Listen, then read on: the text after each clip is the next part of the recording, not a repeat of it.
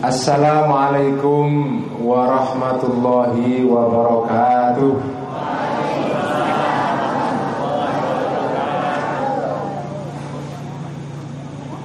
أعوذ بالله من الشيطان الرجيم. بسم الله الرحمن الرحيم. الحمد لله. الحمد لله رب العالمين. وبه نستعين على أمور الدنيا والدين.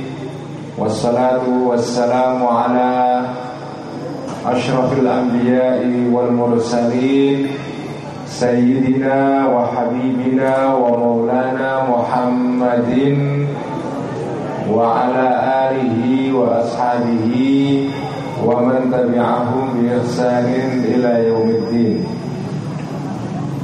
رب اشرح لي صدري ويسر لي أمري واحلل عقدة من لساني يفقه قولي رب زدنا علما وارزقنا فهما آمين يا رب العالمين أما بعد Para rawuh, para sederek sedaya, para kiai, para alim, para ulama,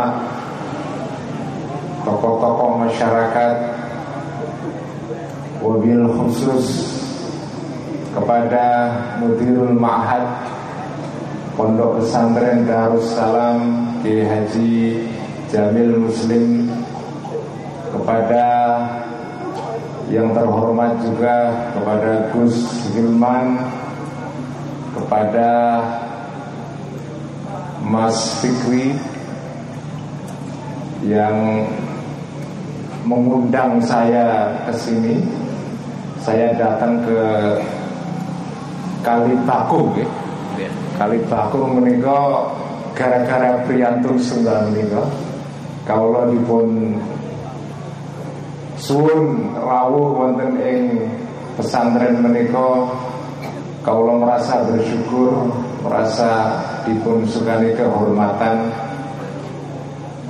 para santri, para murid-murid sedaya, santriwan, santriwati, para hadirin dan hadirat, Bapak dan Ibu sekalian, engkang kawula hormati, engkang kawula tresnani. Pindah kaulo ngaturaken syukur syukron jazilan datang Kiai Jamil Muslim engkang sampun purun nyukani palenggahan datang kaulo ngaos kitab Ihya wonten ing dusun Kali Bakung Kaulah merasa terhormat, merasa diberikan kehormatan yang tidak ternilai untuk hadir di pesantren yang luar biasa ini. Tadi Kiai Jamil sudah menceritakan sejarah berdirinya pondok ini yang luar biasa. Tepuk tangan buat pesantren Darussalam.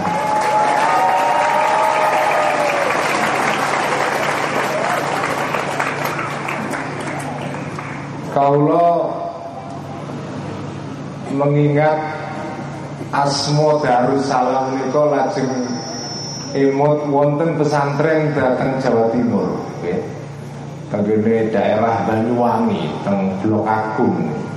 Darussalam menika pesantren yang lumayan ageng. Terus melalui menika handphone melalui Facebook dan yang menyimak dari berbagai kalangan. Terus kalau nyuwun nyuwun izin bagi matur dalu menika ngaos ngangge bahasa Indonesia. Kita kita paham betul ya? Paham masa ora paham bahasa Indonesia ya. Jadi saya akan ngaji dalam bahasa Indonesia karena yang ikut ngaji malam ini dari berbagai daerah, dari berbagai bahkan dari luar negeri wonten saking Eropa, saking Amerika, saking Korea Selatan. Banyak teman-teman Nahdlatul Ulama ingkang kerja wonten Korea Selatan dan ikut pengajian ihya mingguan ingkang kawula asuh setiap malam Jumat nggih. Terus ingkang dari pengawasan mereka dari berbagai kalangan, dari berbagai negara. Jadi terpaksa saya harus ngaji pakai bahasa Indonesia. Meskipun saya menikah janjani kepengen ngaji ngaji bahasa Jawa. Kalau kepengen nguji kemampuan bahasa Jawa kaulo janjane. Tapi karena yang ikut pengajian dari berbagai kalangan terus nyuwun sewu kalau badhe matur ngangge bahasa Indonesia. Malam ini kita akan ngaji kitab Ihya para sedherek Kitab Ihya menika kitab ingkang masyhur, kitab yang populer di seluruh dunia Islam.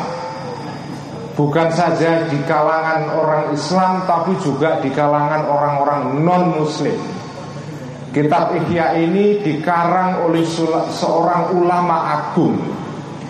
Engkang hidup pada abad 10 Masehi. Jadi sekarang kita hidup di abad 21 Pengarang kitab Ihya Meniko hidup pada abad 10 Masehi. Jadi sudah sekitar hampir 1000 tahun yang lampau. Hidup di kota Baghdad. Namanya adalah Hujjatul Islam Abu Hamid Muhammad Ibn Muhammad Al-Ghazali. Negara ini pun asli ini pun menikah saking provinsi dari kota Nisabur provinsi Khurasan engkang sak menika letakipun wonten ing negara Iran. Terus Imam Ghazali menika sak menika kuburanipun makomipun wonten negara Iran. Beliau lahir di sebuah daerah kota namanya Tus ya. Imam Ghazali menikah salah satu imam besar Kangge warga NU Imam Ghazali menikah imam ingkang penting kedudukanipun Sebab di dalam undang-undang atau dalam ADART Nahdlatul Ulama Imam Ghazali itu adalah imam yang menjadi panutan warga Nahdiyin di dalam ilmu tasawuf. Ada dua imam besar yang menjadi panutan di dalam ilmu tasawuf bagi warga Nahdiyin, bagi pengikut Islam ahlu sunnah wal jamaah. Ingkang pertama yang menika Imam Junaid Sayyidu Ta'ifah Engkang hidup sebelum Imam Ghazali wonten Baghdad juga. Yang kedua adalah Imam Ghazali Hujjatul Islam Abu Hamid Al-Ghazali. Saking kesuwuripun Imam Ghazali menika okay, terutama melalui kitab engkang badhe kaula waos dalu menika kitab Ihya Ulumuddin Imam Ghazali itu saking populernya saking masyhurnya sehingga banyak anak-anak orang-orang yang namanya niku Ghazali. Ghazali. Teng kali bakung wonten sing Ghazali nggih. Wonten nggih. Kathah. Imam Ghazali atau Ghazali, Muhammad Ghazali, Ahmad Ghazali, Ghazali wadah sangat. Pondok Ghazaliyah, pondok teng sarang mereka ada namanya pondok Ghazaliyah Jadi Imam Ghazali ini imam agung dalam sejarah Islam Nah beliau mengarang banyak kitab? Banyak kitab, kitab fikih Kitab dalam bidang tauhid, dalam bidang tasawuf Banyak sekali. Nah di antara kitabnya yang paling masyhur Yaitu kitab yang berjudul Ihya Ulumuddin. Nah kitab Ihya Meniko kitab yang juga populer sekali. Dibaca di seluruh dunia Islam. Di seluruh dunia Islam. Bukan saja dikagumi oleh orang-orang Islam Tapi juga dikagumi oleh orang-orang non-muslim. Bahkan ada seorang ulama Yahudi Yang hidup tidak lama setelah Imam Ghazali wafat Di Andalusia, di Spanyol sana yang membuat ringkasan kitab Ihya untuk orang-orang Yahudi. Terus diajarkan untuk orang-orang Yahudi. Jadi kitab Ihya menikah kitab yang luar biasa dan populer sekali. Begitu populernya sampai ada pesantren Tenggara Cilacap ngertos ya kita pesantren kesugihan namanya pondok pesantren nopo Al Ihya Ulumaddin. Nah, kalau kitabnya namanya Ihya Ulumiddin diwaca jer karena idhofah. Okay. Kitabu Ihya Ulumiddin. Tapi nak pondok pesantren sing ngene napa tengene kesugihan mriku Cilacap nggih. Kiai Mustalih Badawi almarhum menika asmanipun Pondok Pesantren Al Ihya Ulumaddin diwaca nasab soalnya dadi maf'ul be.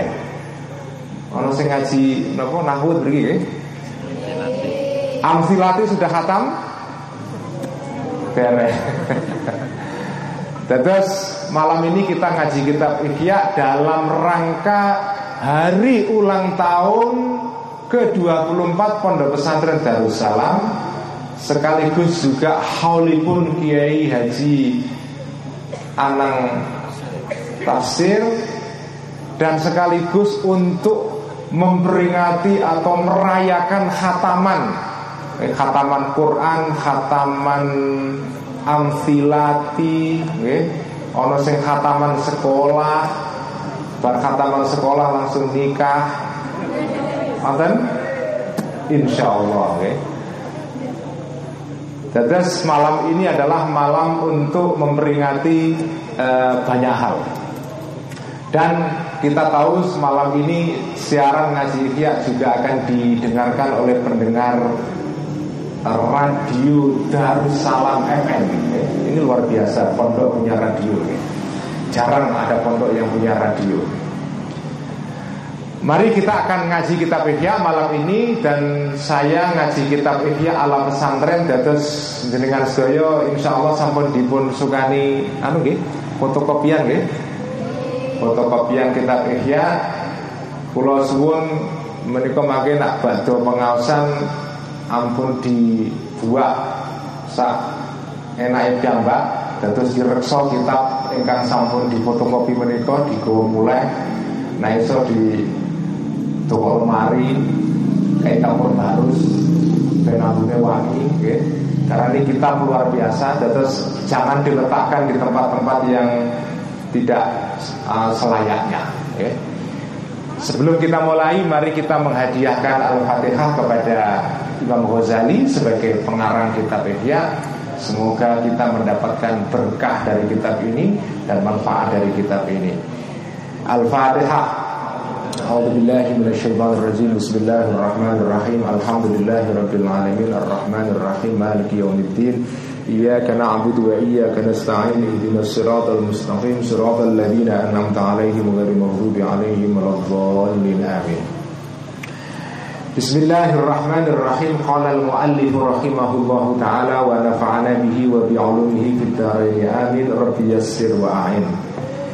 Bapak dan Ibu Sedoyo Malam ini kita ngaji kitab Ihya pada halaman 953 Kenapa kok langsung halaman 953 Karena saya ngaji kitab Ihya itu setiap minggu Dan pada malam Jumat dari jam 8 sampai jam 9 Tapi kalau ada undangan keluar seperti ini Yang disebut dengan kopdar ya, Tahu artinya kopdar mereka? Kopi darat ya. Tapi kopinya nggak ada ini. Oh ada nggih? Oh ada. Alhamdulillah ini kopi beneran nih nggih. Kopi darat ngaji kitab Ihya. Dan karena saya ngaji itu setiap minggu nggih urut kata pondok niku. Terus dalu menika malam ini sampai halaman 953 kebetulan Imam Ghazali sedang membahas soal akhlak. Soal akhlak. Mari kita baca. Paragraf pertama Halaman 953 Bismillahirrahmanirrahim. Wa jama'a ba'duhum Alamati husnil khuluki faqala. Wa jama'a dan Ini saya maknai dengan bahasa Indonesia. Sajane rodo angel. Paling enak maknani kitab ini bahasa apa? Jawa niku enak niku. Utawi iki iku ing dalem yen to ana apane eh, niku paling enak nganggo bahasa Indonesia bahasa Jawa nah nganggo bahasa Indonesia ini agak agak nggak pas. Tapi ya bagaimana lagi karena yang ikut pengajian kitab Ihya ini dari banyak kalangan, terus supaya semua orang paham manfaatnya lebih luas, terpaksa saya ngaji pakai bahasa Indonesia. Wajamaah dan mengumpulkan Ba'duhum sebagian para ahli-ahli tasawuf, ahli sufi karena kitab ini ini adalah kitab tentang tasawuf.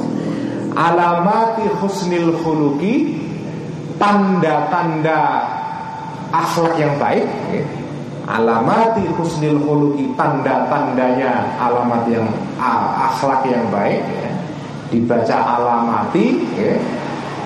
maf'ul nasab tapi karena alamati menikah jamak nopo namanya? Santri-santri ini tahu nggak? Alamati ini jamak muannas salim ya. Ini jamak muannas salim kalau nasab alamat nasabnya apa? Kasroh. Makanya dibaca alamati. Meskipun kasroh ini bukan alamat jer tapi alamat nasab ya dan mengumpulkan ba'duhum sebagian para ahli-ahli tasawuf alamati husnil khuluki terhadap alamat atau tanda-tanda akhlak yang baik. Faqala maka berkata ba'duhum tadi itu sebagian para ahli tasawuf mencoba untuk meringkaskan apa itu akhlak yang baik itu. Nah mereka atau sebagian itu mereka berkata huwa Huwa yang disebut dengan husnul khuluk atau akhlak yang baik ya. An yakuna ada seseorang manusia Pertama yang disebut dengan akhlak yang baik Kathirul hayai Orang yang banyak malunya ya. Kathirul hayai Orang yang banyak malunya Bukan banyak kemaluannya ya Kathirul hayai banyak malunya Qalilal adza yang sedikit menyakitinya. Maksudnya menyakiti orang lain. Orang akhlak yang baik adalah Ringkasannya kira-kira Orang yaitu ini Sifat-sifat ini. Orang yang punya sifat malu yang banyak Dan tidak menyakiti orang lain ya, Sedikit menyakitinya orang lain Kathirus solahi orang yang banyak baiknya atau kebaikannya. Maksudnya kebaikannya kepada orang lain. Soduqal lisani orang yang lisannya banyak benarnya. Tidak berbohong maksudnya. Ya. Soduqal lisani orang yang banyak benar lisannya. Qalilal kalami orang yang sedikit ngomongnya tetapi kathirul amali banyak tindakannya. Itu itu adalah ringkasan akhlak yang baik. Orang yang malunya besar, tidak banyak menyakiti orang lain, berbuat baik kepada orang lain juga banyak, okay? lesannya selalu berkata benar. Kalau ngomong sedikit, nah ini nggak cocok buat penyiar radio ini. Okay? Kalau penyiar radio harus banyak ngocolnya. Ya, ini ya tapi lain. Ini maksudnya akhlak baik untuk standar umum. Ada orang-orang yang memang harus banyak ngomong. Penyiar radio pekerjaannya ngomong ya ngomong aja. Kalau itu penggawaian kok gitu. Ini nggak masuk di sini. Tapi ini adalah standar umum. Orang yang akhlaknya baik itu tandanya adalah ngomongnya sedikit, tetapi tindakannya banyak.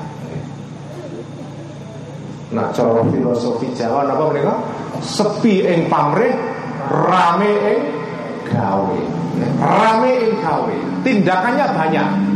Ngomongnya sedikit. Ya kira-kira kayak Pak Jokowi sekarang inilah kerja kerja kerja kerja. Ah itu kathirul amal. Jangan-jangan Pak Jokowi ini nyontek dari kitab ya. Jangan-jangan itulah orang yang akhlaknya baik ya. Ngomongnya sedikit tetapi tindakannya banyak Nah sekarang kebalik Zaman ini menurutku zaman orang ngomongnya banyak Tindakannya sedikit Nah itu tanda orang yang akhlaknya nggak baik gitu. Terus tanda akhlak baik adalah ngomong sedikit tindakan banyak. Qalilah zalali Orang yang sedikit keplesetnya eh? Kenapa sedikit kepleset? Karena jarang ngomong. Orang yang kebanyakan ngomong Sudah pasti kemungkinan kepleset lebih banyak. Tapi kalau ngomongnya sedikit Maka kemungkinan keplesetnya juga sedikit. Terus Qalina Zalali Orang yang sedikit keplesetnya Karena sedikit ngomong. Qalilal Fuduli Orang yang sedikit Ngomong yang tidak ada artinya Yang tidak ada manfaatnya Menikah fudul ke? Fudul menikah pekerjaan Atau omongan yang tidak penting. Terus orang yang akhlaknya baik Tanda-tandanya adalah Tidak melakukan sesuatu atau ngendika akan sesuatu yang tidak penting. Ngomong yang tidak penting. Terus kalau dia ngomong ya ngomong yang perlu. Kata sengkang dipun ngendika akan kanjeng Nabi dalam salah satu hadisnya ya, min husnil min husni islamil mar'i tarkuhu ma la ya'nihi. Ini salah satu hadis terkenal dalam kitab Arba'in Nawawiyah. Ya sudah sudah ada yang ngaji di sini? Pasti sudah semua ya. Salah satunya hadis bunyinya min husni islamil mar'i tarkuhu mala yakni Tanda orang-orang yang baik adalah orang itu meninggalkan sesuatu yang layak nih Sesuatu yang tidak menjadi kepentingan dia. Sesuatu yang tidak penting. Sesuatu yang tidak menjadi urusan dia.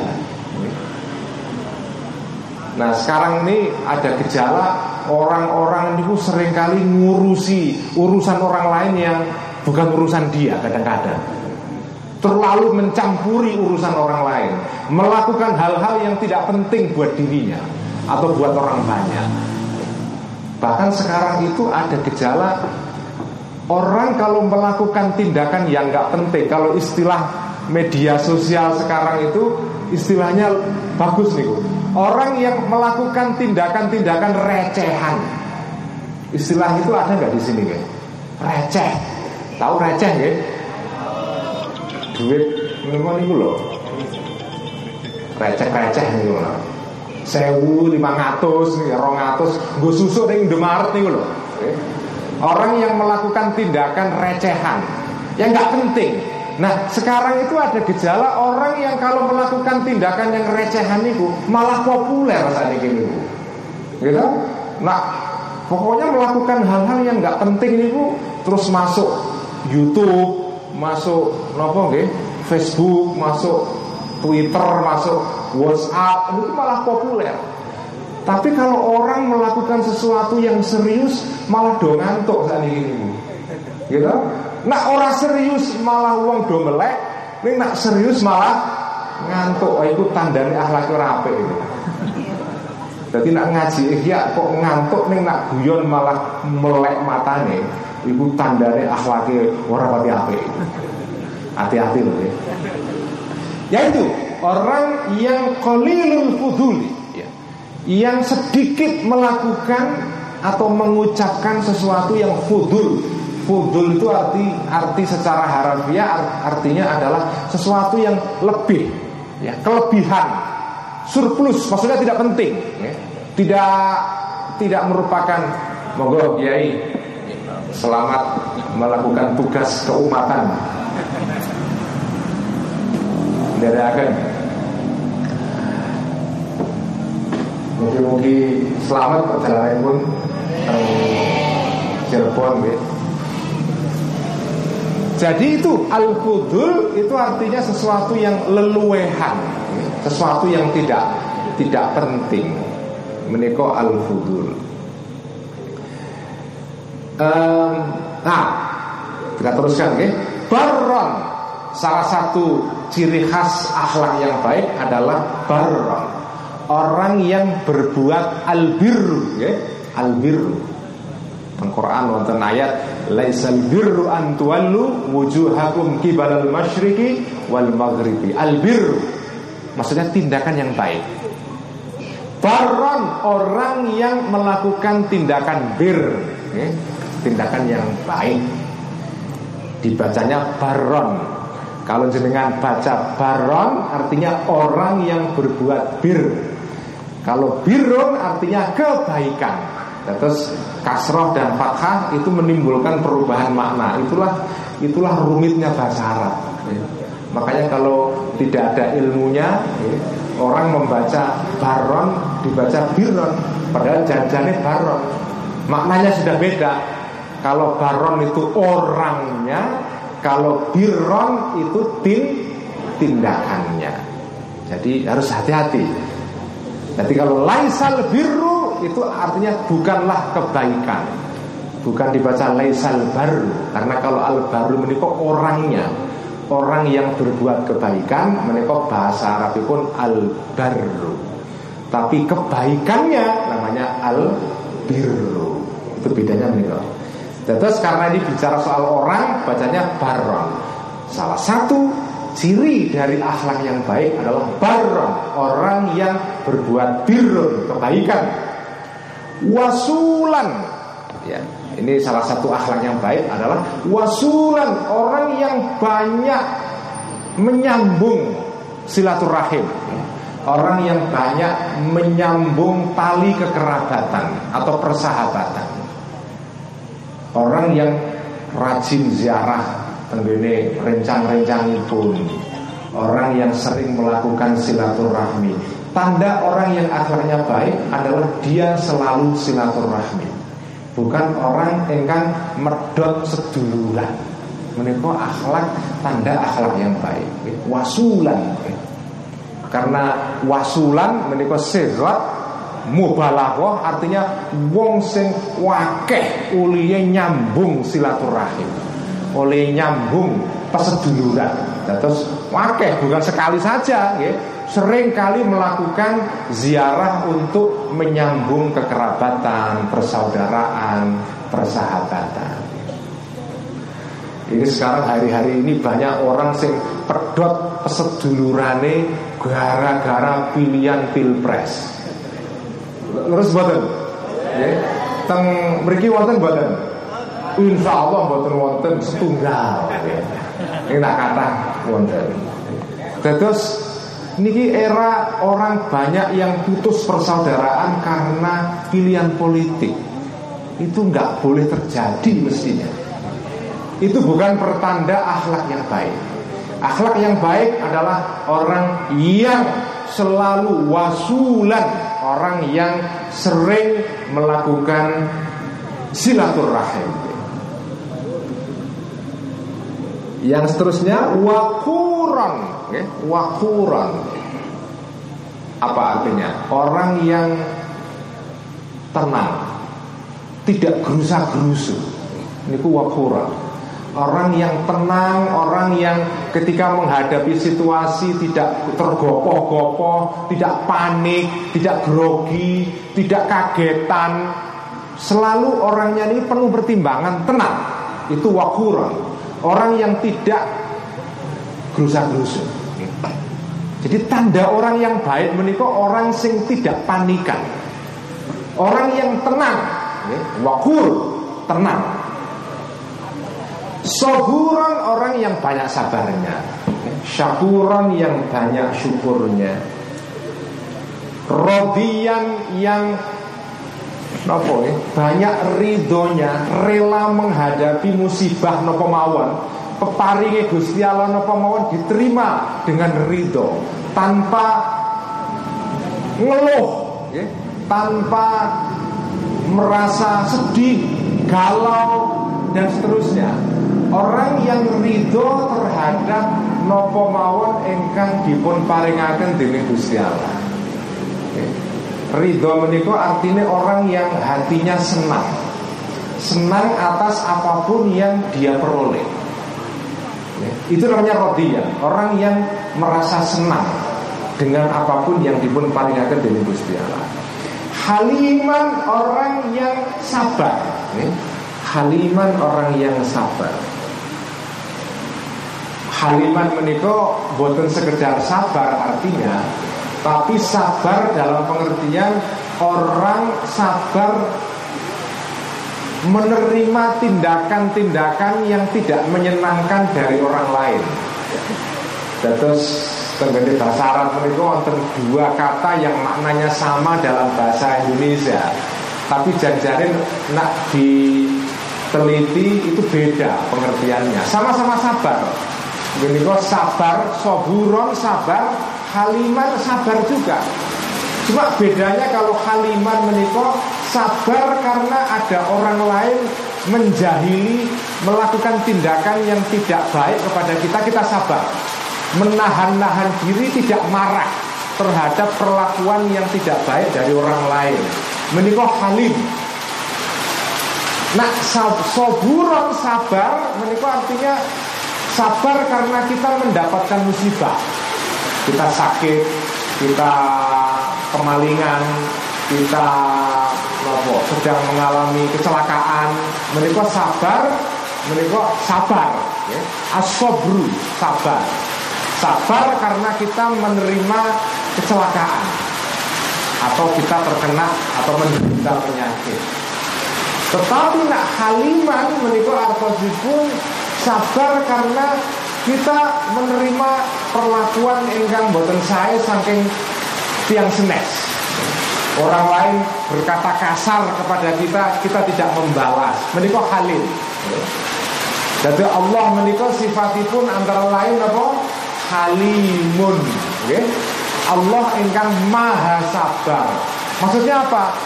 Makhluknya berbuat dosa Allah tidak langsung menyiksa saat itu juga Dipun, dipun sabarakan Menikah halimun. Bedanya halimun kali soburun Menikah soburun sabar atas musibah Halimun sabar karena tindakan yang tidak menyenangkan saking tiang senes dari orang lain. Cuma terasakan hujan berapa ya? Terasakan ya? Lah awal mulai hujan lah kok, mungkin ini kini aja lah. Ya. Halimat Rafiqan Salah satu tandanya akhlak yang baik adalah Rafiqan Orang yang berbelas kasih, orang yang kasih sayang, orang yang bertindak kasih sayang. Afifan orang yang menjauhi barang-barang yang haram atau syubhat. Orang yang menjauhkan diri dari tindakan-tindakan yang secara moral menikah boten patut dipun tindak akan, dipun lakoni, Pak Afif ini. Orang yang menjauhkan diri dari tindakan-tindakan yang mencurigakan Tidak harus haram Pokoknya segala tindakan yang membuat kita menjadi ternoda Ternoda nama baik, ternoda reputasi kita sebagai seorang tokoh masyarakat misalnya Afif ya. Syafiqon yang ramah. Ramah, kasih sayang. Menikah akhlak-akhlak yang baik ya. Terus nak diringkasan di menikah. Kalau mau diulang lagi ya, akhlak yang baik adalah orang yang malunya banyak, tidak sering menyakiti orang lain, banyak perbuatan baiknya kepada orang lain, lisannya berkata benar terus, sedikit berbohong, Sedikit berbicara, banyak tindakannya Sedikit keplesetnya karena tidak terlalu banyak ngomong. Sedikit melakukan atau mengucapkan hal-hal yang tidak penting, tidak perlu. Melakukan tindakan baik. Banyak melakukan silaturahmi Tenang, tidak gugup, tidak grogian, tidak panikan Tidak terburu-buru, nggak berusaha-berusu sabar, syukur, ridho, maksudnya apa ya? Merasa ridho dengan apa pun yang diberikan oleh Allah kepada kita. Haliman sabar dalam pengertian niku wau menahan menyabarkan diri terhadap perlakuan yang tidak baik dari orang lain. Afifan menjaga diri dari tindakan-tindakan yang tidak senonoh syafiqon ramah. Menikah akhlak yang baik. Nah sebaliknya lalaanan. Ini kebalikannya akhlak yang buruk ya. Lalaanan bukan orang yang banyak sekali melaknat. Kenapa melaknat menikah? Ya, melaknat. Kalau bahasa sekarang melaknat menikah apa? Memaki-maki Mencaci maki Mengejek Nyinyir ya? Ini lakan itu Jadi orang yang banyak sekali melakukan laknat, melaknat orang lain, mencibir orang lain, mencemoohkan orang lain, ya. Menikah tanda-tanda akhlak yang yang jelek. La'an wala sababan dan bukan orang yang banyak mencaci, me, apa ya? Me, sabun menikah apa? Me, mencemooh mencaci, mencerca, menikah sababan ya. Bukan orang yang banyak mencerca orang lain. Wala namaman, okay? dan bukan orang yang banyak nopo menggunjing namimah okay? Orang yang banyak menggunjing orang lain. Menikah sedaya sehatipun bentukipun sehat mubalaghah terus teng bahasa Arab menika wonten kata yang disebut mubalaghah maknanya menika banget sangat okay? lakanan orang yang banyak sekali melakukan laknat. Sababan yang banyak sekali mencerca.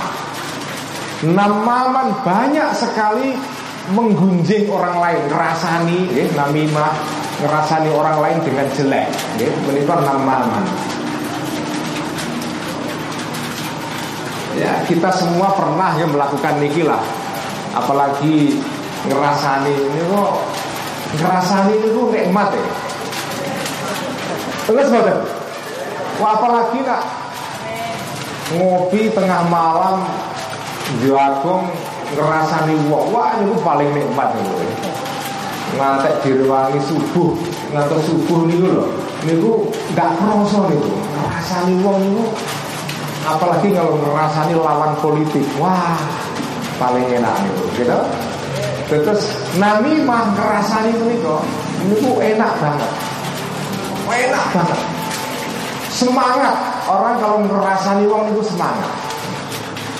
Dan tidak tahu kenapa begitu. Manusia ini buatan itu Merasa nikmat kalau merasani orang lain jelek. Nah kalau dipikir-pikir Kenapa kira-kira alasannya kok orang itu merasakan nikmat kalau merasani orang lain? Merasani jelek. Karena ketika orang menikung ngerasani orang lain jelek Niku nak digalih-galih dipun pikir jeruk Menika artosipun aku ngerasani wong liya elek. Saya ngerasani menggunjingkan orang lain jelek. Niku kan secara tidak langsung merasa kita ini saya lebih baik daripada orang itu. Gitu? Ketika kita ngerasani orang lain jelek, niku secara tidak langsung tuh kita merasa diri kita lebih baik dari orang itu. Karena kita merasa lebih baik dari orang itu kita senang. Kita merasa di atas orang yang kita rasani yang kita gunjingkan itu itulah mungkin alasannya kenapa manusia ini kok seneng rasani dan tembunge tenggene kitab Ihya menika kok tembunge namamun banyak ngerasani karena orang menikah nak wis ngerasani semenit, ngerasa no enak, mesti gak tahan semenit tak. Ngerasani semenit, kemudian rong menit, telung menit, sepuluh menit, sak jam, rong jam, ngantek berjam-jam. Gitu? Gak iso, wong ngerasani itu hanya satu menit sebentar saja. Begitu kita merasakan nikmatnya ngerasani, kita akan terus terus nggak bisa berhenti. Itulah sebabnya di sini dikatakan namamun dengan sifat mubalaghah. Karena ini orang yang akeh kuliah kerasan. Karena kerasan itu mesti ora iso sithik. Orang no ngerasani stop ya, tak berhenti dulu nggak ada ini. Jarang orang yang bisa menyetop ketika ngerasani semenit tok, orang menit tok itu sakit. Begitu ngerasani semenit itu ya terus diterus no. Maka sisa ngomong sekaruan rasani terus gue gitu. Sudah sudah terlanjur basah gitu. Diterus ke mau. Makanya ngerasani mereka tembungnya memiliki ngaji sekot kepala karena ini orang tidak bisa ngerasani orang dalam kadar yang sedikit selalu banyak gitu.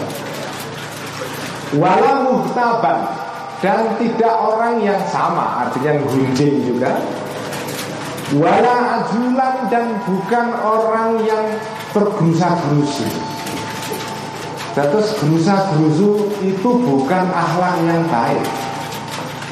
Tanda orang yang berakhlak baik ya, terutama yang anak-anak. Anak-anak muda itu kan wataknya kan gerusa-gerusu. Itu biasa anak muda itu ya. Jadi tidak aneh tapi kalau anak muda bisa mengontrol dirinya tidak berusaha berusuh, nah itu tandanya berarti dia berakhlak baik. Wala ajulan dan tidak berusaha berusuh, wala hakudan dan tidak banyak hedun apa hedun dengki, iri, bukan orang yang banyak dengkinya kepada orang lain wala bakhilan dan bukan orang yang banyak kikirnya atau kikir wala hasudan dan bukan orang yang banyak hasutnya irinya kepada orang lain terus ini adalah akhlak-akhlak yang jelek ya. Basyashan Kembali kepada akhlak yang baik Basyashan orang yang Sumringah Apa ya? Uh, Orang yang banyak senyum, nopo nggih? Kalau bahasa Tegalipun. Meseman, basasan orang sing kata atau banyak mesemnya. Ini nak mesem-mesem diri terus-terusan di orang curiga juga gitu. Kan banyak sekarang orang yang menghadapi handphone terus mesem-mesem diri kan saya parah gitu. Nah, bukan itu maksudnya. Tapi bahasa sendiri artinya Orang yang banyak mesem ketika bertemu dengan orang lain. Bukan orang yang Wajahnya merengut atau besemut Atau wajahnya kelihatan sangar. Bukan itu ya. Itu basyasan Hasyasan sama. Orang yang sumringah Orang yang banyak senyumnya. Yuhibbu yang mencintai orang lain Billahi demi Allah Ta'ala. Wa yubhidu dan membenci orang lain Billahi demi Allah Ta'ala. Jadi membenci bukan karena hawa nafsu Tapi karena membenci orang lain Karena dia melanggar perintah-perintah Allah. Itu artinya Wajib billah. Wayardo dan ridho menyenangi sesuatu fillahi karena Allah taala wa dan marah fillahi karena Allah taala karena itu inilah pahala ini semua dua adalah husnul khuluqi akhlak yang baik. Inilah ringkasan dari akhlak-akhlak yang baik menurut sebagian para ahli tasawuf sebagaimana dengan Imam Ghazali pada kita beda. Kamu terasakan? Kesih tahan betul? Kasih ya? Jam bila lagi mas itu? Jam 10 asik Bisa sore Kenapa?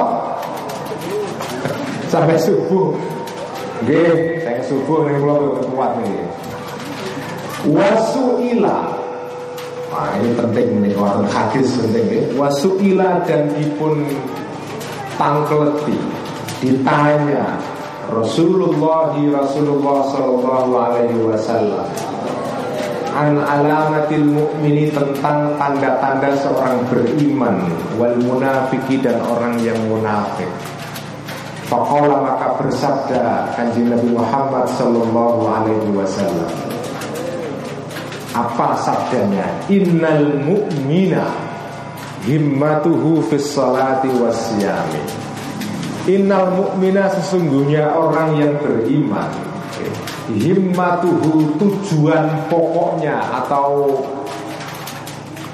ya, pikiran pokoknya tujuan atau cita-cita besarnya atau kesibukan dirinya orang mukmin itu fis adalah dalam sholat wasyami dan puasa itu adalah ciri-ciri orang beriman. Orang beriman adalah orang yang selalu mikirnya menikah soal ibadah, sholat dan puasa. Jadi pikirannya ke sana. Ya, pikirannya menikah tentang ibadah. Itu kalau orang yang mukmin. Wal ibadati dan ibadah. Wal munafiku atau wal munafiqah dan sesungguhnya orang munafik Himmatuhu tujuan pokoknya orang munafik ini Pertama adalah fito'ami dalam masalah makanan Wasyarobi dan minuman Kalau bahimati seperti apa? Hewan. Seperti hewan. Jadi beda antara orang mukmin dengan orang munafik mereka Orang mukmin itu pikirannya selalu mengenai hal-hal yang spiritual Ibadah pekerjaan-pekerjaan yang menyangkut apa ya, kejiwaan rohani. Sementara orang munafik menikah pikiran pokoknya, kesibukannya sing dipikir menikah mangan minum. Mangan minum. Nah Allah wong kok bendino isine kok kita nanti sarapan di mana ya? Nanti siang dikit kita makan siang di mana ya? Kita makan malam di mana ya? Bendino urusannya mau ikut tok, oke? Okay? Nah, itu namanya ini tanda-tanda yang orang yang munafik. Munafik itu artinya ya dia beriman, cuma imannya itu bukan nembus sampai ke apa? Ke jiwa. Apakah orang tidak boleh mikir makan? Boleh, ya, boleh. Apakah orang tidak boleh wisata kuliner? Boleh saja. Hadis niki buatan kok terus artinya wah kalau wisata kuliner berarti munafik kamu ini ya. Oh bukan motor, bukan. Di sini maksudnya itu himmatuhu. Pikirannya nih loh. Sing dipikir bendina ini kok soal makan minum makan minum kayak kewan. Kamu itu janjane kewan atau manusia? Al-bahimah atau al-insan? Nah al insan nggih mangan, nggih wisata kuliner, nggih nopo mangan sate batibul gitu. Kalau pada siang wau nyate batibul Jebule kok enak. Bukan artinya nggak boleh wisata kuliner, nggak boleh minum minuman yang enak, bukan. Manusia ini nggak bisa nggak makan nggak minum namanya manusia. Tapi yang dimaksud dalam hadis ini adalah orang yang himmatuhu. Pikiran ini kok selalu masalah mangan minum mangan minum. Tidak ada pikiran yang lain. Nah itulah tandanya orang yang munafik menurut hadis beliau. Dan terus sekarang ditimbang-timbang mawon Jenengan sedaya niki mangke nak wangsul mulai tekan omah ditimbang-timbang. Sedina sewengi niku berapa persen jenengan mikir kuliner karo mikir ibadah. Jenengan presentasi, persentase nggih. Berapa persen ibadah mikir ya betul-betul ibadah ya mikir mikir wah kapan kita melakukan kebaikan nah, kalau presentasi dengan mikir soal kebaikan, tindakan-tindakan yang baik, ibadah, baik ibadah yang bersifat individual maupun sosial, ya. kok misalnya 70% waktunya jenengan menikah kok dinggo mikir masalah-masalah kebaikan? Yang kuliner paling 30% Nah itu tandanya jenengan 70% orang beriman. Imannya jenengan 70 persen Yang 30 persen itu gak ya Ono campur munafik dan sidik Iso dilebur kali iman lah Tapi nak jenengan persentase mikir makan minum itu kok sehari semalam itu 70 persen Nah itu baru tandanya jenengan bermasalah itu, bermasalah. Wakala dan berkata Hatimun al-asammu Hatim al-asom ya. Hatim engkang budak Ini kok al-asom ya. Ini salah satu tokoh Engkang terkenal Yang sering dipun kisahkan Didongeng-dongengkan Di dalam buku-buku tasawuf Ini al-hatim al-asom ini adalah Orang yang dikenal Budek bukan budek telinganya nggak bisa mendengar Tapi disebut budek karena dia tidak mau mendengarkan hal-hal yang maksiat Itu disebut al-asom Oke. Terus ceritane jari ini Kenapa beliau disebut Hatim al-asom Mereka suatu ketika Hatim al-asom itu bertemu dengan seorang perempuan Nah, ini perempuan cantik ya. Bertemu dengan Pak Hatim ini Nah, pada saat perempuan cantik ini bicara Di tengah-tengah bicara menikah Nuhun sewu, ngentut Ngentutnya buanter. Ono cahayu ngomong kok ngentut Kira-kira sing cawe wedok niki isin boten Isin kira Ono cahayu kok ngentut ngomong Modal ngentut Nah hati menikah untuk menutup kemaluannya perempuan ini. Dia pura-pura nggak dengar. Dia ketika diajak bicara sama perempuan itu Nanya Coba ulangi lagi Apa tadi yang kamu katakan? Perempuan tadi ngomong lagi Keras lagi Apa tadi yang kamu katakan, yang kamu katakan?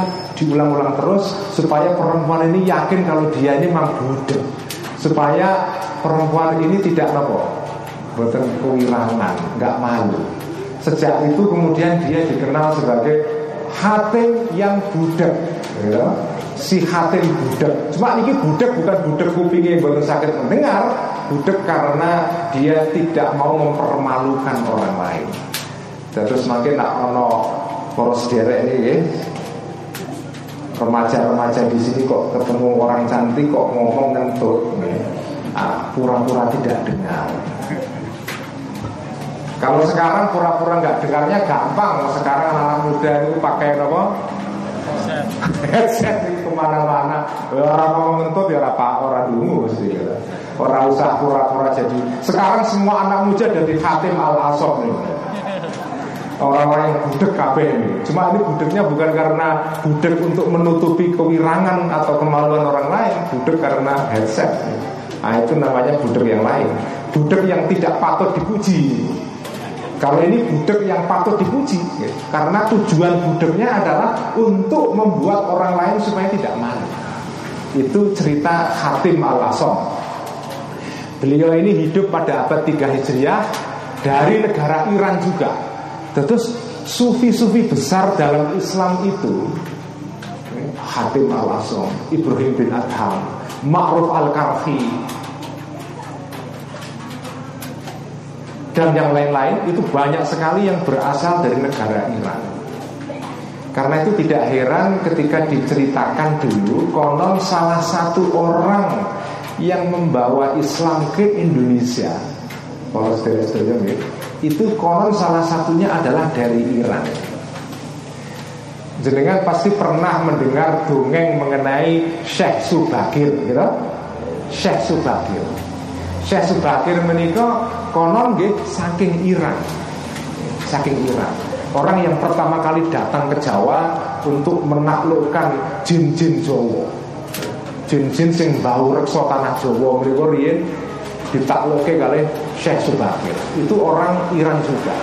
Jadi orang Iran ini memang dikenal sebagai orang-orang yang banyak sekali mengembangkan ajaran sufi termasuk Imam Ghazali menikah ya bagi orang Iran orang Iran Wakala dan berkata Hatimun al-asamu Hatim al-asam apa kata beliau? Al mukminu masyhulun bil fikri wal bil fikari wal ibari. Al mukminu orang yang beriman masyhulun adalah orang yang sibuk. Nak coro bahasa pesantren daerah Kaulo, Kajen, Pati, Rembang dan sekitarnya, masyhulun wong sing ketungkul. Ketungkul itu nak coro Jawa teng Tegal wonten mboten nggih. Eh, bisa nonton nggih? Agak aneh niku. Janjane nggih teng daerah kula mboten nonton orang Jawa ngomong ketungkul nggih. Ketungkul. Maksudnya ketungkul itu sibuk. Masyhulun orang yang sibuk bil ifikari dengan pikiran-pikiran yang dengan renungan-renungan itu bil fikari. Dengan renungan-renungan. Orang yang beriman itu orang yang banyak merenung. Maksudnya merenung positif ya, bukan merenung karena kebanyakan utang. Lain lagi itu, itu renungan yang lain. Banyak orang yang merenung karena merenungkan apa yang terjadi di dunia ini, merenungkan peristiwa-peristiwa Kenapa ada begini? Kenapa ada begitu? Kenapa kok seperti ini? Kenapa seperti tidak seperti itu? Direnungkan. Menikot ciri khas orang yang beriman. Orang yang terus-menerus merenungkan sesuatu yang terjadi di sekitarnya. Bukan orang yang cuek. Orang yang tidak peduli. Ono masalah di sekitar masyarakat diem saja. Tidak memikirkan tidak ikut mencari solusinya. Itu bukan ciri orang beriman. Ciri orang beriman adalah ketika ada peristiwa apa pun dalam masyarakat, dia renungkan, dia pikirkan, kenapa terjadi seperti itu. Apa solusinya? Bukan orang yang tidak mau tahu, orang yang tidak mau tahu, tidak peduli, cuek. Ya. Itu orang yang cuek, tidak pedulian, itu bukan tanda orang beriman. Menurut Hatim al-Asal. Terus al-mu'minu masyhulun bil fikari wal ibari dan ketungkul atau sibuk dengan mengambil ibroh pelajaran. Setiap apa pun yang terjadi di sekitar orang itu, peristiwa apa pun, orang ini selalu mengambil pelajaran dari sana. Baik sesuatu itu nikmat ataupun musibah, ya, itu kalau orang beriman tidak pernah merasa sedih karena apa pun yang terjadi itu ada pelajaran di sana, ada hikmah di sana. Makanya orang Jawa itu janjani sampun sampun kelakoni kitab Ihya itu sejak lama sebetulnya. Mungkin jiwanya orang Jawa itu nggak jiwa Ihya. Karena orang Jawa itu selalu pinter mengambil hikmah dalam segala hal. Kena musibah nggih untung. Wis untung nih. Untung orang ini. Nggih. Terus kena musibah apa pun orang Jawa itu itu selalu untung. Padahal pun kena rugi sak juta, ah, untung sak juta, orang-orang juta. Gitu. Saya kira kalau caleg-caleg ini bu bersikap seperti ini itu saya kira mereka tidak ada yang stres nih kalah pilek apa rugi sak miliar. Wah untung sak miliar. Coba kalau dua miliar nah masih untung. Dan jangan dilihat satu miliarnya. Alhamdulillah saya rugi nyalek sak miliar. Untung sak miliar bukan dua miliar. Terus orang beriman adalah orang yang selalu mengambil pelajaran dari apa pun yang terjadi. Ibroh, ya, ibroh. Nah, kebalikannya wal wal munafiku dan orang munafik masyhulun sibuk bil khirsi dengan lobo. Lobo itu apa? Mencintai dunia secara berlebihan, geragas nek cara bahasa Jawa tengetan ya. Geragas. Mriki wonten geragas ya. Ada boten? Gerangsang. Cara bahasa wetanan niku bil khirsi geragas ya kemaruk. Wal amali dan angen-angen. Al amal menikah ini bukan bukan mikir. Kalau al fikrah itu artinya berpikir merenung.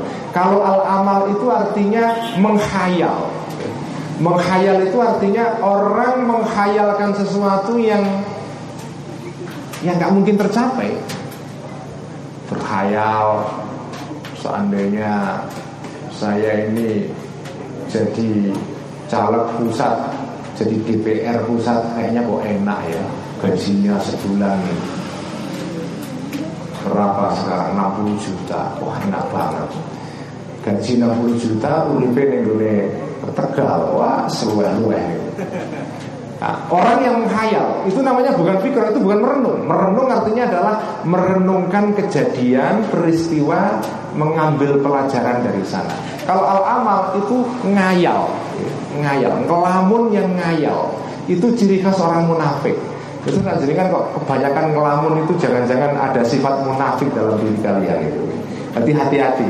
Orang yang beriman itu orang yang merenung. Orang munafik banyak ngayalnya. Maksudnya ngayal tentang sesuatu yang tidak mungkin dicapai dan tidak ada gunanya.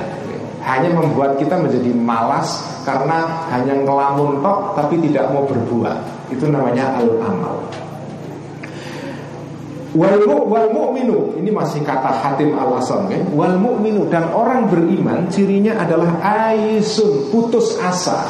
Mingkul li ahadin dari semua orang Illa minallahi kecuali dari Allah ini berat ini Ini ilmu tua Ini anak-anak yang masih pelajar Ya dengarkan dulu nanti pahamnya mungkin nanti kalau sudah agak dewasa ya. Tapi ini yang buat yang sepuh-sepuh ya. Orang yang beriman itu cirinya adalah Dia tidak berharap kepada siapa pun kecuali kepada Allah. Karena setiap orang yang berharap dari manusia Menikah mesti kecewa. Mesti kecewa. Karena Ya kadang-kadang orang itu di diharap tapi ternyata tidak memenuhi harapan. Apa setelah sekarang istilahnya itu PHP gitu. Ya, pemberi harapan palsu itu PHP. Manusia ini pun sifatnya PHP. Entah kecil entah besar semua orang itu PHP pada dasarnya. Tapi nak Gusti Allah itu tidak pernah PHP.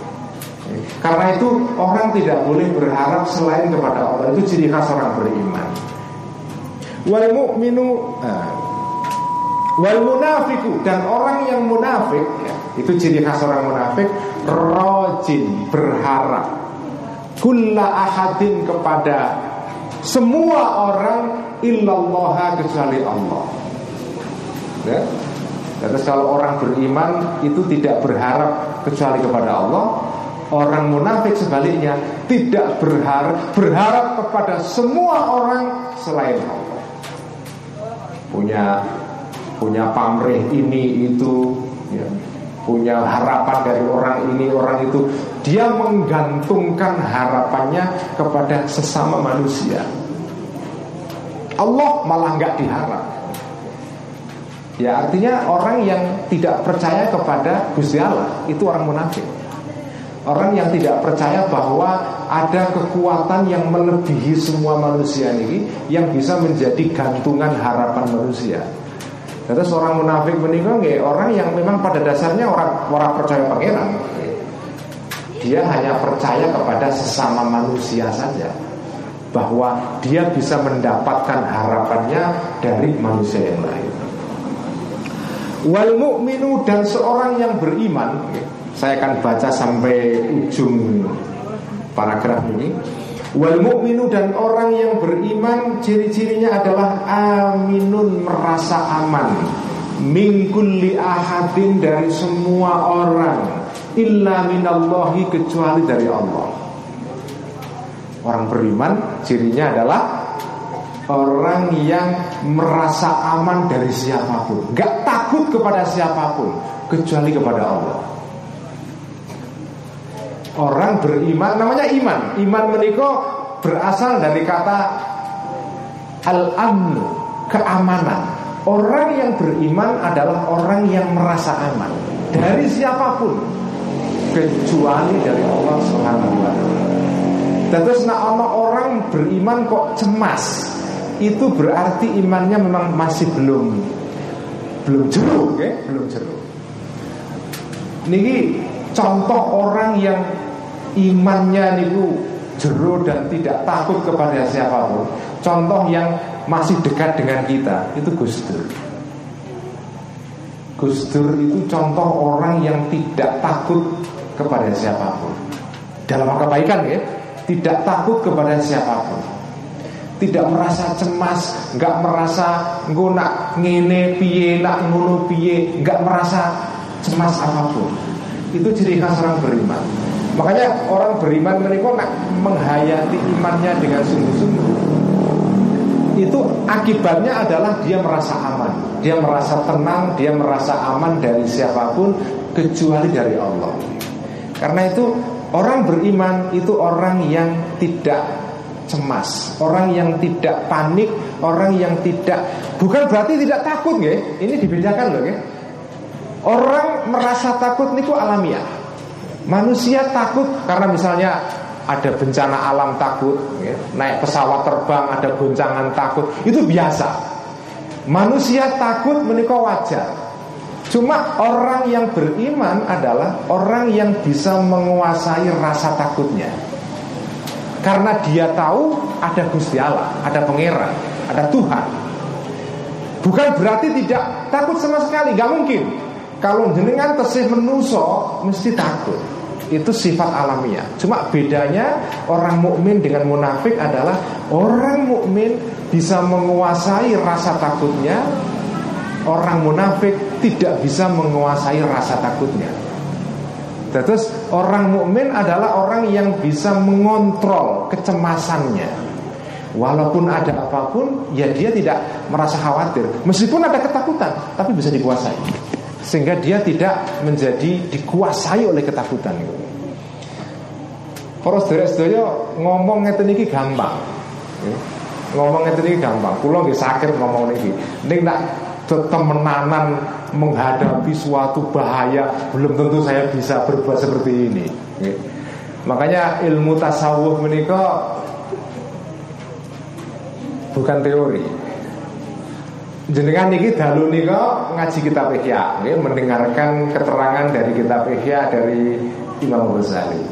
Tapi sing jenengan mireng niki sedaya niki baru teori. Nah, teori niku nggih teori. Selama belum dilaksanakan, dipraktekkan, jenengan tidak akan pernah merasakan manfaat dari teori niku. Jenengan dalu niki mireng keterangan kitab Ihya ini itu persis dengan orang yang cerita pulau bado madang nopo sate batibul. Terus saya cerita betapa enaknya sate batibul itu. Saya cerita begini kepada orang yang tidak pernah makan sate batibul. Kira-kira orang yang saya ceritai tentang enak dan lezatnya sate batibul nanti kira-kira gimana? Domblong saja kan? Dia hanya bisa bengong saja. Selama dia belum pergi ke warung sate batibul Makan sendiri, merasakan sate itu Ya itu hanya teori saja. Makanya ilmu tasawuf itu ilmu laku. Nah jenengan boten mengating melakoni Ya gak akan merasakan. Hanya berhenti sebagai teori. Karena itu saya sering kali mengatakan ilmu tasawuf itu 70% laku pengalaman 30% teori kalau kita belum pernah melaksanakan ini ya kita hanya cerita tentang mendengar cerita tentang oh enaknya iman itu begini begini begini begini. Tapi itu hanya cerita toh. Saya sendiri kalau nggak sama nih mau kita pikir nih nggak cerita. Kalau mau teori ini. Tapi selama saya belum melaksanakan ini Saya nggak akan pernah bisa merasakan apa yang dikatakan oleh Imam Ghazali Nah Imam Ghazali menulis kitab Ihya Meniko bukan ngarang-ngarang. Beliau sendiri pernah merasakan ini semua. Terus kitab Ihya Meniko dipun tulis Imam Ghazali berdasarkan sebagian besar pengalaman beliau. Karena itu kitab Ihya Meniko kitab yang pengaruhnya luar biasa Berabad-abad Karena ini kitab yang dikarang berdasarkan pengalaman penulisnya piyambak Terus tulisan meniko nak ditulis dari pengalaman meniko sing maos nggih merasa betul pengaruh dari tulisan meniko. Ini nak tulisan meniko teori tok jenengan cerita. Ono wong ora pernah mangan sate batibu terus bos cerita mengenai enaknya sate batibu. Jangan mesti merasa ah ini ngarang ini. Ini pasti belum pernah makan betulan. Orang belum pernah pergi ke Amerika terus cerita tentang wah Amerika begini-begini. Jadi kan kira-kira curiga buatan. Gue curiga mesti kan. Ini pasti urung pernah orang urung pernah yang tegal, orang pernah yang guci ini sok lagi mau coba Google nih gue cerita wah Gucci itu ternyata keren sekali tapi coba Google di internet kan banyak nih saat ini kan? Semua informasi sekarang tersedia di internet Sekarang itu banyak orang yang bisa pintar mendadak okay. Sekarang itu banyak orang yang bisa pintar mendadak Berkat internet Dengan apa? Cari apa saja di internet ada. Apa saja Al-Ghazali sejarah hidupnya di internet banyak apa semua hampir semua hal di internet itu tersedia informasinya. Nah, orang yang ilmunya hanya nopo nuklii nopo nggih?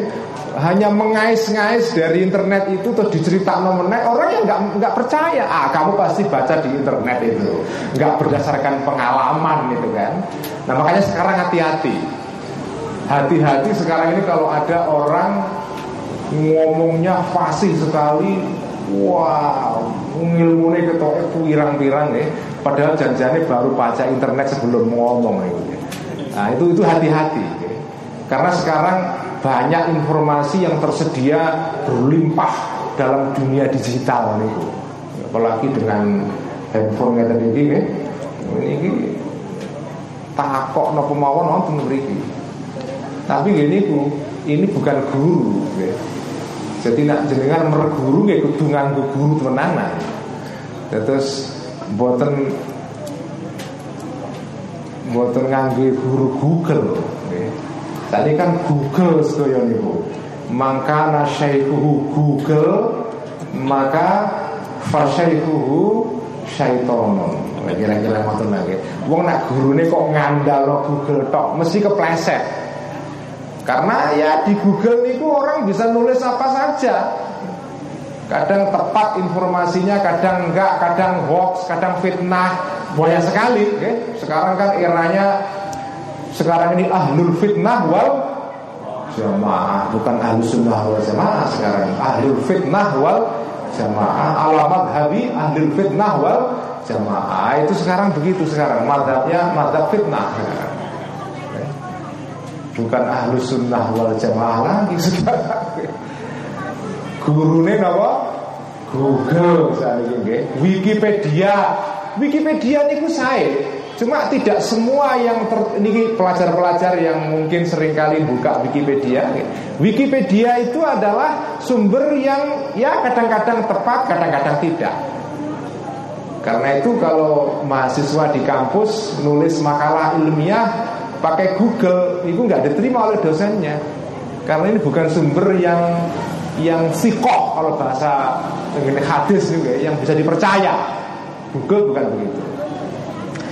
Terus itu uh, orang beriman adalah orang yang merasa aman dari segala semua orang kecuali dari Allah.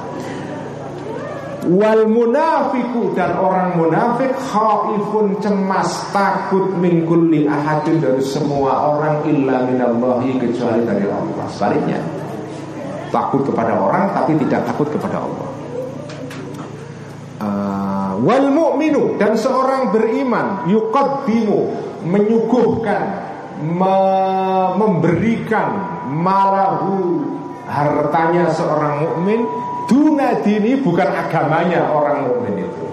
Jadi orang mukmin itu orang yang mau mengorbankan hartanya bukan agamanya. Sebaliknya wal munafiku dan orang munafik yukot dimu mengorbankan menyuguhkan dinahu agamanya orang munafik. Duna mali bukan hartanya orang munafik. Orang munafik lebih rela mengorbankan agamanya ketimbang mengorbankan hartanya. Wal mukminu dan nak niki kedose kok rada rada napa nggih? Rada rada gampang lah dilakoni nggih. Orang beriman itu orang yang mau mengorbankan hartanya bukan agamanya. Nggih kira-kira anu lah kita masih bisa melakoni niku. Tapi nak sing niku wau Wong mukmin wong sing ora takut karo siapa pun kecuali dari Allah ini susah nih. Ini susah, latihannya panjang. Jenengan dungokno ngeten niki, niki gampang, tapi ngelakoni iku mboten mboten gampang. Karena ilmu niki niki ilmu sederhana, tapi ngelakoni ini butuh pengalaman bertahun-tahun. Kenapa Gus Dur seperti itu? Itu bukan sekali dua kali pengalaman, itu berkali-kali. Sehingga beliau akhirnya bisa punya sifat seperti itu. Sifat tidak cemas kepada siapa pun kecuali dari Allah Subhanahu wa taala. Itu itu lagu ya. Nak coro serat Wedoto niku ngilmu menika kanthi lagu. Ngilmu menika kanthi lagu. Terus nak mboten dilakoni nggih mboten krasa, mboten kita mboten mengetahui manfaat dari ilmu menika. Itulah namanya ilmu tasawuf menika. Wal mu'minu dan orang beriman ya yuhsinu berbuat baik orang mukmin mukmin itu. Wayabki dan menangis. Ciri khas orang mukmin mereka berbuat baik selalu menangis dalam pengertian mudah tersentuh hatinya kalau melihat hal-hal yang Napa nggih? Atine alus, atine empuk nggih, mboten mboten keras. Menika orang yang beriman. Sehingga ketika mendengar sesuatu yang membangkitkan napa nggih? Rasa ketakutan dia kepada Allah Subhanahu wa taala, dia menangis. Dia tergetar. Kados handphone menika lho.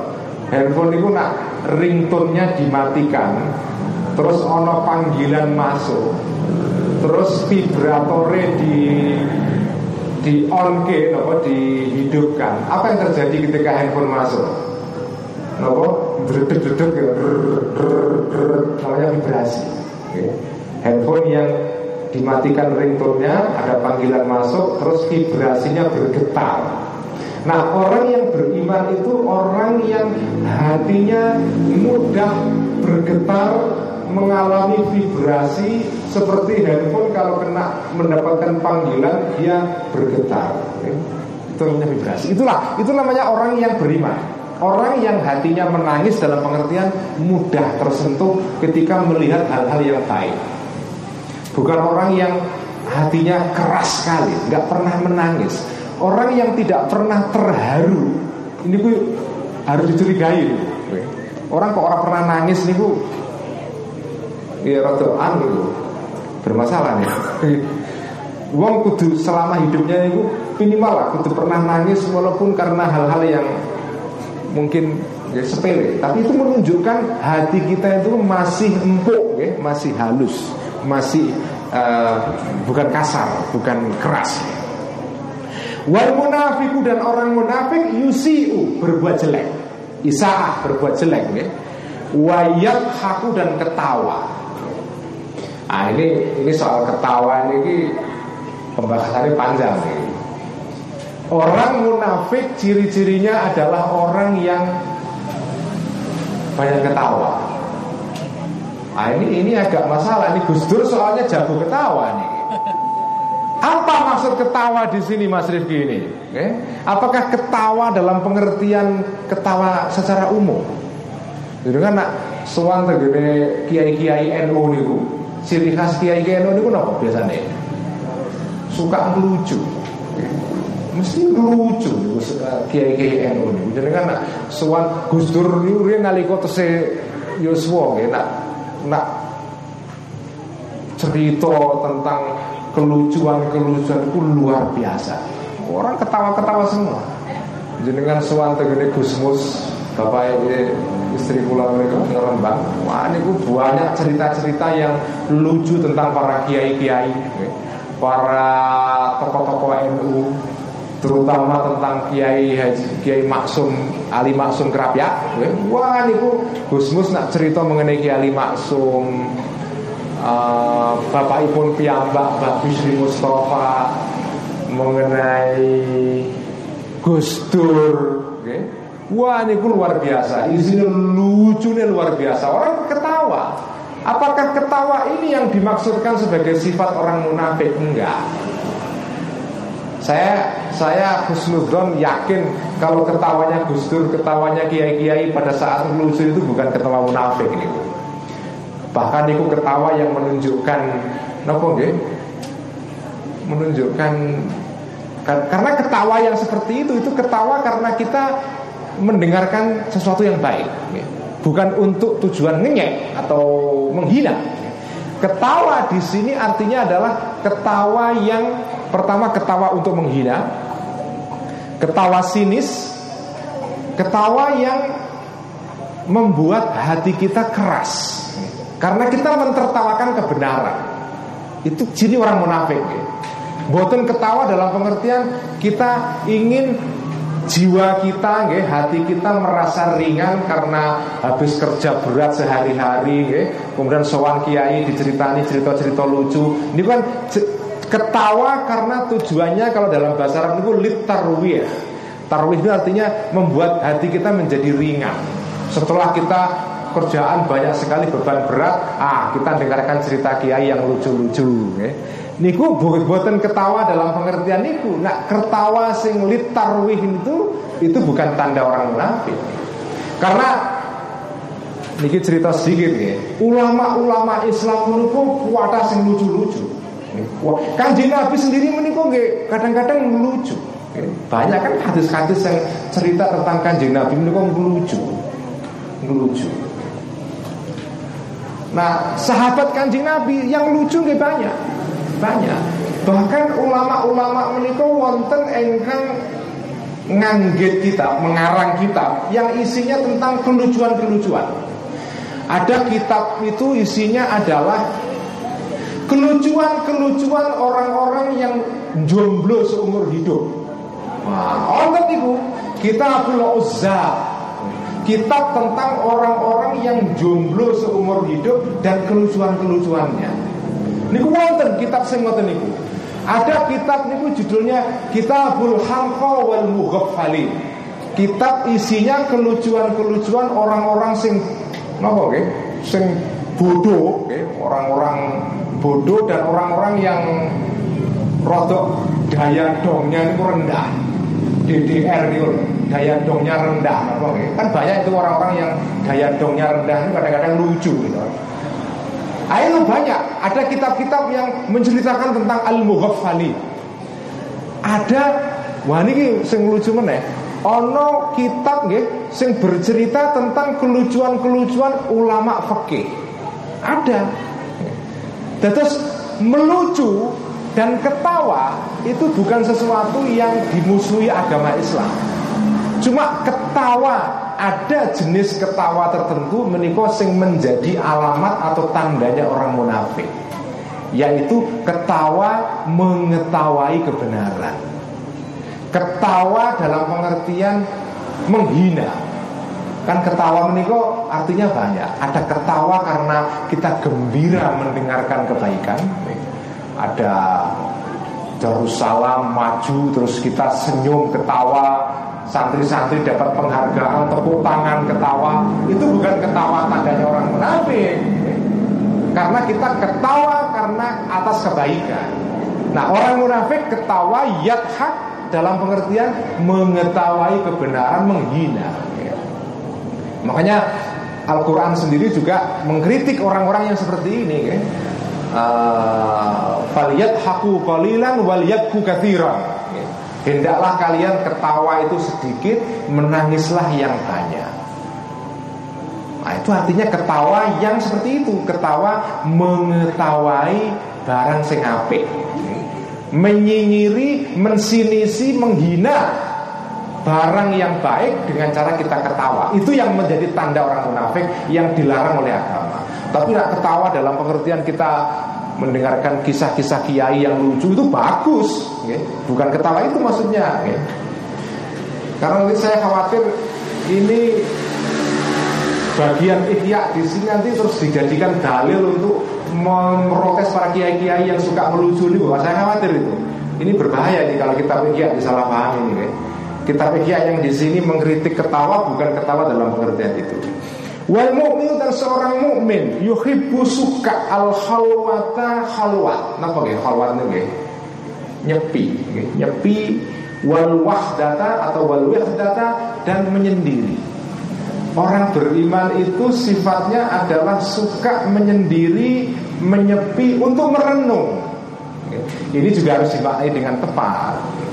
Menyendiri di sini artinya menyendiri untuk kholwat ibadah, tafakur, merenung. Bukan menyendiri karena kita takut bergaul dengan orang lain, minder, kurang pede, grogi. Ada juga kan orang yang ada orang-orang yang menyendiri karena tidak berani bergaul dengan orang lain. Yang dalam istilah psikologi disebut dengan introvert. Konten introvert menikah merupakan penyakit kejiwaan atau gejala kejiwaan yang tidak normal. Orang yang takut bergaul dengan orang lain, menyendiri. Bukan itu maksudnya menyendiri di sini. Al-wahdah di sini Kenapa? Al-khalwah artinya adalah menyendiri karena kita ingin tafakur ibadah sebagaimana kanjeng Nabi dulu pernah khalwat dan gua. Ketika beliau selama beberapa bulan khalwat sampai beliau mendapatkan wahyu Iqra Bismi ladzi khalaq dan seterusnya. Itu maksudnya khalwat di sini. Wal munafiku dan seorang munafik yuhibbu suka al khilqata untuk bergaul dengan orang lain wal mala'a dan orang-orang yang punya status sosial tinggi, orang-orang yang keren, orang-orang yang apa bermartabat. Orang munafik itu sukanya apa Ini kumpul sini, kumpul sana untuk tebar pesona bisa sekarang kita tebar pesona kumpul ke sini ke sana tapi nggak ada gunanya kumpul-kumpul yang tidak ada manfaatnya terus di sini artinya kumpul-kumpul bukan kumpul-kumpul untuk kebaikan. Nah, kumpul-kumpul tinggi ya kumpul yang baik, tidak termasuk dalam alamat atau tandanya orang munafik. Wal mukminu dan seorang mukmin sifatnya adalah yazra'u menanam. Wayaksha dan takut khawatir al-fasada kepada kerusakan, kepada korupsi, ya, kerusakan. Itu sifat orang mukmin. Dia menanam, bukan menebang, bukan menebang. Orang beriman adalah orang yang menanam. Sementara wal mukmin wal munafiku orang munafik yaklau napa? Menebang. Orang mukmin menanam, orang munafik Orang mukmin itu menyebarkan kebaikan, orang munafik menghilangkan kebaikan. Terus nak ono wong kok penggaweane nebang terus. Ora tahu nandur. Itu tandanya apa? Munafik. Ini penting sekali loh ya. Orang mukmin orang yang menanam. Kadang-kadang orang mukmin itu menanam tanpa mikir kapan dia akan memanen. Nikulah para kiai-kiai. Kiai-kiai ini bu nanam bendino, nanam santri, nanam pondok, nanam kebaikan-kebaikan.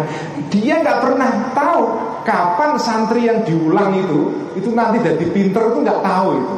Kadang-kadang kayak yura ya pinter-pinter, ya, dia tetap ngulang terus. Walaupun nanam nggak ada hasilnya, nanam saja. Karena tugas manusia menanam. Soal tanaman itu berbuah atau tidak itu urusan Gusti Nah orang munafik itu tidak menanam, menebang terus. Ini ini menarik sekali. Orang munafik adalah orang yang nebang terus tanpa menanam. Wayarju dan berharap nggak pernah nanam, tetapi wayarju dan berharap al terhadap atau untuk mem mem memanen. Orang tahu nandur, neng kepengen panen, menikah tandanya tiang munafik. Wong sing ora ora pernah nandur kok kepengin panen itu munafik ini. Wal mukmin orang mukmin yakmuru memerintahkan, nggih. Kebaikan maksudnya. Wayanha dan mencegah lisiasati demi untuk apa? Siasah dalam pengertian mengatur kebaikan bersama. Fa fayuslihu maka berbuat kebaikan orang mukmin tadi itu. Orang mukmin menikah memerintahkan kebaikan, mencegah kemungkaran, lisiasa untuk mengatur kemaslahatan umum. Wal munafiku siasa menika nak cara niku artinya politik. Tapi di sini politik bukan dalam pengertian politik sekarang ini. Politik di sini artinya politik untuk mengatur kemaslahatan umum. Wal munafiku dan orang munafik yakmuru memerintahkan kebaikan wayang dan mencegah kejahatan liriasati kebalikannya okay? liriasati demi untuk kekuasaan. Terus bedanya tiang mukmin kali tiang munafik adalah nek mukmin perintah apik atau perintah atau nyegah Allah niku tujuannya karena siasa, karena kemaslahatan umum. Tapi nak tiang sing munafik Ketoe sama Memerintahkan kebaikan Mencegah mungkar Tapi tujuannya karena liriasa Ini penting loh okay? Ada orang Yang memerintahkan kebaikan Bukan lisiasa Tapi liriasa Ben Mbak ini kelihatan hebat karena dia memerintahkan kebaikan. Nak wis kelihatan hebat terus diangkat jadi pemimpin oleh masyarakat. Itu bukan ciri khas orang mukmin, tapi orang munafik. Terus merintah kebaikan, amar ma'ruf nahi mungkar menika bisa ya, sakit dados sifatnya tiang mukmin, tapi juga sakit dados sifatnya tiang munafik. Tergantung niatnya. Apakah niat lisiasa atau lir riasa. Nah, wong mukmin perintah kebaikan mencegah kejahatan tujuannya lisiasa. Politik dalam pengertian mengatur kemaslahatan. Kalau orang munafik melakukan itu semua karena supaya dia diangkat jadi pemimpin masyarakat. Itu namanya munafik. Karena dia tujuannya liriada, fayub situ maka berbuat kerusakan orang itu. Itulah ciri khas orang mukmin kali orang munafik. Kalau kita semakin mawon ngasih ya malam ini ya, pun jam 11 uh, Napa wonten tanya jawab Mboten usah ya uh, sing kepengin takok-takok. Mboten wonten nggih langsung mawon. Nak mboten wonten sing takok-takok nggih kawula tutup sekian saja. Ngasih akhir malam ini. Kita sudah mendapatkan banyak pelajaran-pelajaran positif dan baik dari Imam Ghazali terutama yang terakhir okay? ini ini yang penting ya siasah riasah siasah mukmin riasah munafik. Okay? siasah mukmin riasah munafik. Ini penting. Itu ingat-ingat.